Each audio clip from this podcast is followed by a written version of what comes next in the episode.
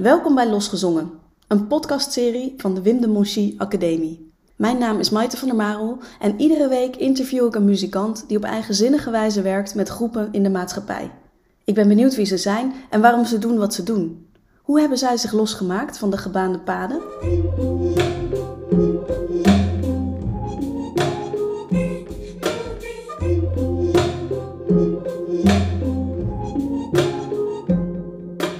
Vandaag spreek ik met Peter Sambros. Naast zijn achtergrond als bassist en componist in de kleinkunstwereld heeft hij jarenlange ervaring in het componeren met groepen.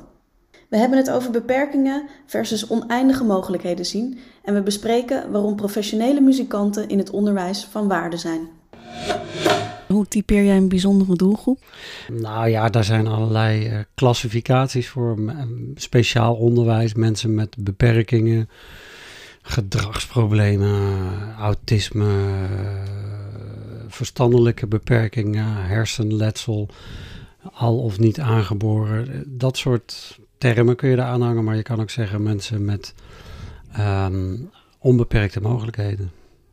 Onbeperkte mogelijkheden. En wat, doe, wat doe jij met hen dan? Muziek maken. Muziek maken. En theater maken.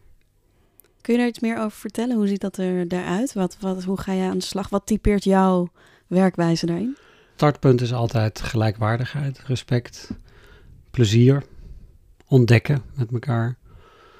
Dus het, is altijd een reis om elkaar te ontmoeten en te kijken hoe je samen muziek kan maken, elkaar kan leren kennen en uh, ook echt kwaliteit kan maken. Want het gaat, de drijfveer is altijd mooie muziek maken.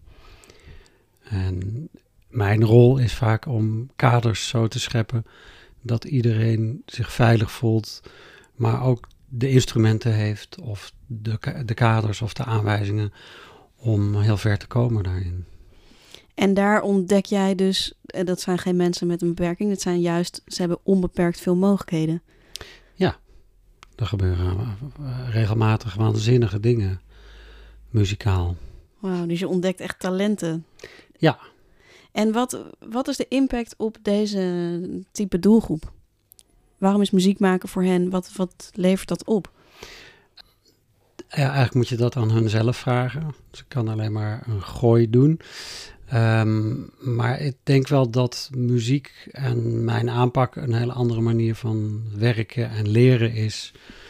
Uh, vaak zijn mensen met andere leerstijlen, zal ik het maar noemen, of mensen met beperkingen, uh, vaak vastgelopen. In het onderwijs bijvoorbeeld, omdat het natuurlijk een heel eenzijdige aanpak is, een heel cognitieve aanpak. En vaak vinden ze uh, dan in muziek weer een hele, hele andere manier waarin ze wel heel goed gedijen en talenten ontdekken. En dat kan heel klein beginnen. Iemand die op de rand van zo'n rolstoel zit te tikken, misschien uit spanning, waarvan ik denk, wauw, te gek, goede groove. En dan ga ik gewoon antwoorden en opeens hebben we een vraag en antwoord. En dat bouw ik uit tot een drumsolo. Uiteindelijk neem ik een, stukje drumstel mee en één stok, want de andere arm is verlamd. En dan gaan we vraag en antwoord trommelen. En dan blijkt het een waanzinnig ritmisch talent te zijn. Dus eigenlijk sluit jij aan, daar waar het onderwijs uh, niet aansluitend is op deze doelgroep? Ja, maar het gaat niet altijd over onderwijs. Het zijn soms ook ouderen of mensen met ongelukken. Ik hm. weet het vaak ook niet altijd. In het begin, zeker in het onderwijs, had ik voorgesprekken met leerkrachten. En dan vroeg ik dat allemaal. Dan kreeg ik mijn was, waslijst van aandoeningen. En hoe je daarmee om moet, dient te gaan. En dat wordt een self-fulfilling prophecy. Want dan ga je mensen daarop aanspreken. Dus daar ben ik mee gestopt. Ja, ik veel meer open wel. benadering. Ja. Ja. En dan ga je mensen ook op een andere manier benaderen. En dan druk je op andere knopjes. En waar is dit ontstaan? Dat jij op deze manier dat jij in dit werk eh, terecht bent gekomen? Want je hebt contrabas gestudeerd. Ja. Ik denk niet dat je logischerwijs uh, bij een doelgroep terechtkomt met uh, uh, beperkingen of oneindig veel mogelijkheden mm, uiteindelijk. nou, het ligt ook wel dicht bij muzikanten en artiesten, denk ik. En uiteindelijk maakt het allemaal niet zo heel veel uit. Ik doe ook wel workshops voor ABN, Ambro Top. Of ik heb heel lang advocaten muziekles gegeven. Dat is ook bijna speciaal onderwijs. Oh ja? Ja. Wat is de parallel? Ehm, de talenten liggen weer op andere vlakken, maar ook de beperkingen. Hm. Dus de communicatie is weer veel moeilijker. En je hebt een, een hele grote beperking, dat is de hiërarchie waarmee mensen binnenkomen. En dan ga je muziek maken en dan valt die weg. En dat vinden sommige mensen ook weer moeilijk. Ja. Heel leuk. Ja. Ja, dus, maar als we dan even teruggaan, want ik ben wel benieuwd waar dat ontstaan is. Hoe, hoe, waar, Mhm. waar is het zaadje geplant? Ehm, nou ja, na het conservatorium ben ik eigenlijk heel snel in theater terechtgekomen als muzikant. Heel veel getoerd. Toen ben ik gaan componeren, veel voor theater. En die twee combineren. En dat vond ik heel tof, maar ik vond het ook... Ik miste daar ook iets in. Het is een leuk leven, maar ook saai en veel herhaling. Veel op reis. En eh er zat ook altijd iets... Hoe zou ik het zeggen? Iets sociaals, iets gevends in mij. Uit al mijn beroepskeuzetesten op de middelbare school kwam verpleging of therapeut of psycholoog of eh, nou ja, zo, die kant. En dat heb ik ook altijd wel gevoeld in het eerste deel van mijn leven. En op een dag zag ik een advertentie van Stichting Papageno en die zochten muzikanten om eh, muziekles te gaan geven in het speciaal onderwijs. Dus dat ben ik gaan doen, een hele korte opleiding. En toen ben ik waanzinnig veel scholen ingegaan. En dat vond ik te gek. Toen dacht ik, ja, dit, dit is wat ik heel leuk vind en heel goed kan. Dus het, het was altijd wel de eh, reflectie van mensen die erbij waren, leerkrachten, die zeiden, wauw, wat jij toen deed met die jongen of wat er toen gebeurde. Eh, Dat heeft wel even een tijdje geduurd. Dat ik dacht, oh ja, volgens mij zit hier wel een talent gecombineerd met heel veel plezier ook. Wat is de waarde van wat je doet voor de maatschappij?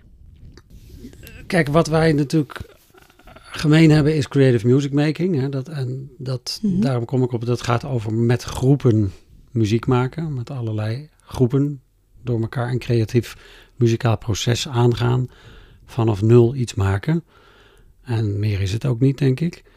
En volgens mij is het heel belangrijk juist dat iedereen daar zijn eigen eh, kleur in meebrengt. En zijn eigen waardes. En zijn eigen fascinaties. En zijn eigen eh, liefhebberijen. Dat maakt dat eh, iedereen volledig zoveel mogelijk eigenaar wordt van het proces en het resultaat. Dus eh, dat geldt eh, denk ik voor alle muziekeducatie. Tenminste in mijn optiek en hoe ik daarmee omga, vind ik dat heel belangrijk. Dat iedereen zijn eigen kleur meeneemt en ook behoudt. Ja, want jij werkt Mhm. natuurlijk ook in educatieve contexten op scholen waar je een team onder je hoede hebt, een Mhm. team van muzikanten, Ja. Om ze te begeleiden in, nou, wat bieden we eigenlijk op die scholen aan? Eh, wat, wat is jouw rol als trainer, coach, begeleider daarin? Wat, wat zet je aan bij die muzikanten? Heel veel hoop ik. Het gaat natuurlijk ook gewoon over vaardigheden, eh, docentvaardigheden, pedagogisch-didactische vaardigheden, maar ook creatieve vaardigheden. Maar ik denk dat het ook heel belangrijk is, en dat probeer ik altijd, om mensen een, ook een achterliggende gedachte of een, een waarde mee te geven. Dus ik denk dat wij muzikanten of eh, kunstenaars, zonder daar heel verheven over te doen, eh, of eh, zonderlingen of vreemde vogels heel belangrijk zijn, ook voor de maatschappij en voor kinderen en voor het onderwijs en voor heel veel mensen, omdat we een, ook een andere kleur meebrengen. En die moet je ook niet helemaal afschudden. En natuurlijk moet je aansluiten bij waardes in het onderwijs en moet je pedagogisch-didactische vaardigheden hebben. En je moet je aan, eh, ergens conformeren aan de regels die er op een school eh, eh, ongeveer rondgaan. Voor een deel. Maar je moet ook je eigenheid meenemen en je muzikantschap en je, je onaangepastheid en je eigen wijsheid en je bijzonderheid en je eigen fascinaties. Want dat maakt en houdt het authentiek. Als jij, ik zeg heel vaak tegen eh, teams die, eh, waar ik mee werk of die ik train, als jij ervoor gaat, als jij daar ontzettend eh, enthousiast van wordt en blij van wordt, dan worden de leerlingen dat ook.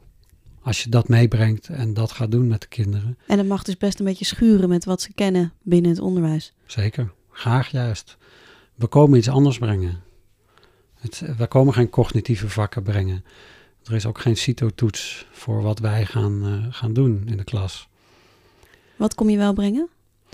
Ehm, nou, een doordacht plan met, met, met vaardigheden, muzikale vaardigheden, maar ook heel veel ruimte voor creativiteit en eigenheid en eigen dingen maken, eigenaarschap, dat, dat woord er maar weer in te gooien. Maar ook een, uh, een andere kijk op de wereld die je meeneemt.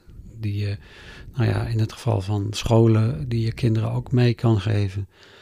Dat er ook mensen bestaan die uh, voor hun beroep muziek maken. En daar een ontzettende passie voor hebben. En die uh, door die bril naar de wereld kijken. En die, daar, die er ook een passie voor hebben om dat met kinderen te doen op scholen. Dat is geweldig. Dat, ja, dat, ik had een, op de HAVO een muziekleraar, eindexamen muziek, die mij dat ook leerde. Ik had een band met mijn broer.